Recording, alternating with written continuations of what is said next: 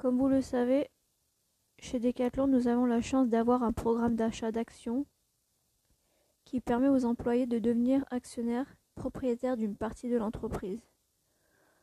On va voir ensemble quelques dates. Tout d'abord, vous connaissez tous Michel Leclerc. Michel Leclerc, qui est le fondateur de Decathlon et qui a ouvert son premier magasin en 1976 sous le slogan Tous les sports sous le même toit qui est à l'heure d'aujourd'hui à fond la forme.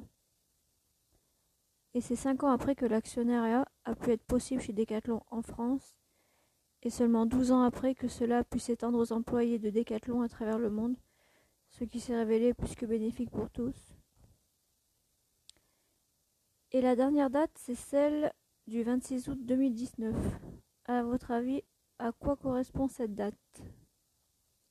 C'est le lancement du programme de l'actionnariat de Decathlon au Canada. C'était une soirée mémorable.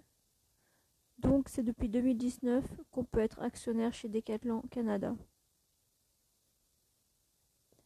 Pourquoi être actionnaire chez Decathlon? Pourquoi devenir actionnaire? Du moins, je vais reformuler un peu ma question. Pourquoi moi, Marlène, je suis à l'heure d'aujourd'hui actionnaire chez Decathlon? Parce que mes valeurs à moi correspondent totalement à celles de Decathlon et que si j'ai confiance en moi et en mes valeurs, alors j'ai confiance en Décathlon.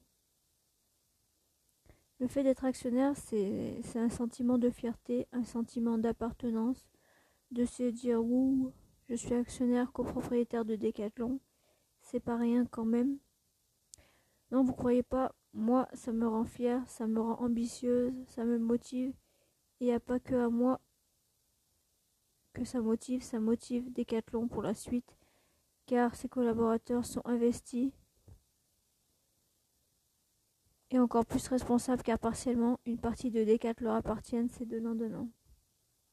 Puis, et de me dire que je contribue à la croissance de mon patrimoine, à la croissance de mon entreprise, grâce à moi et à mon actionnariat, c'est génial. Donc en quelques mots, pour moi, le, le sens d'être actionnaire chez Decathlon, c'est vraiment de prendre part à une aventure commune, de mieux comprendre le fonctionnement de l'entreprise, de partager l'évolution de sa valeur. Ou si vous préférez, en quelques mots, c'est pour moi un sentiment d'appartenance et de motivation. Puis pour finir, c'est vraiment une aventure gagnante pour tous car si j'investis, je gagne. Et je participe à l'évolution de cette belle société qui est Decathlon.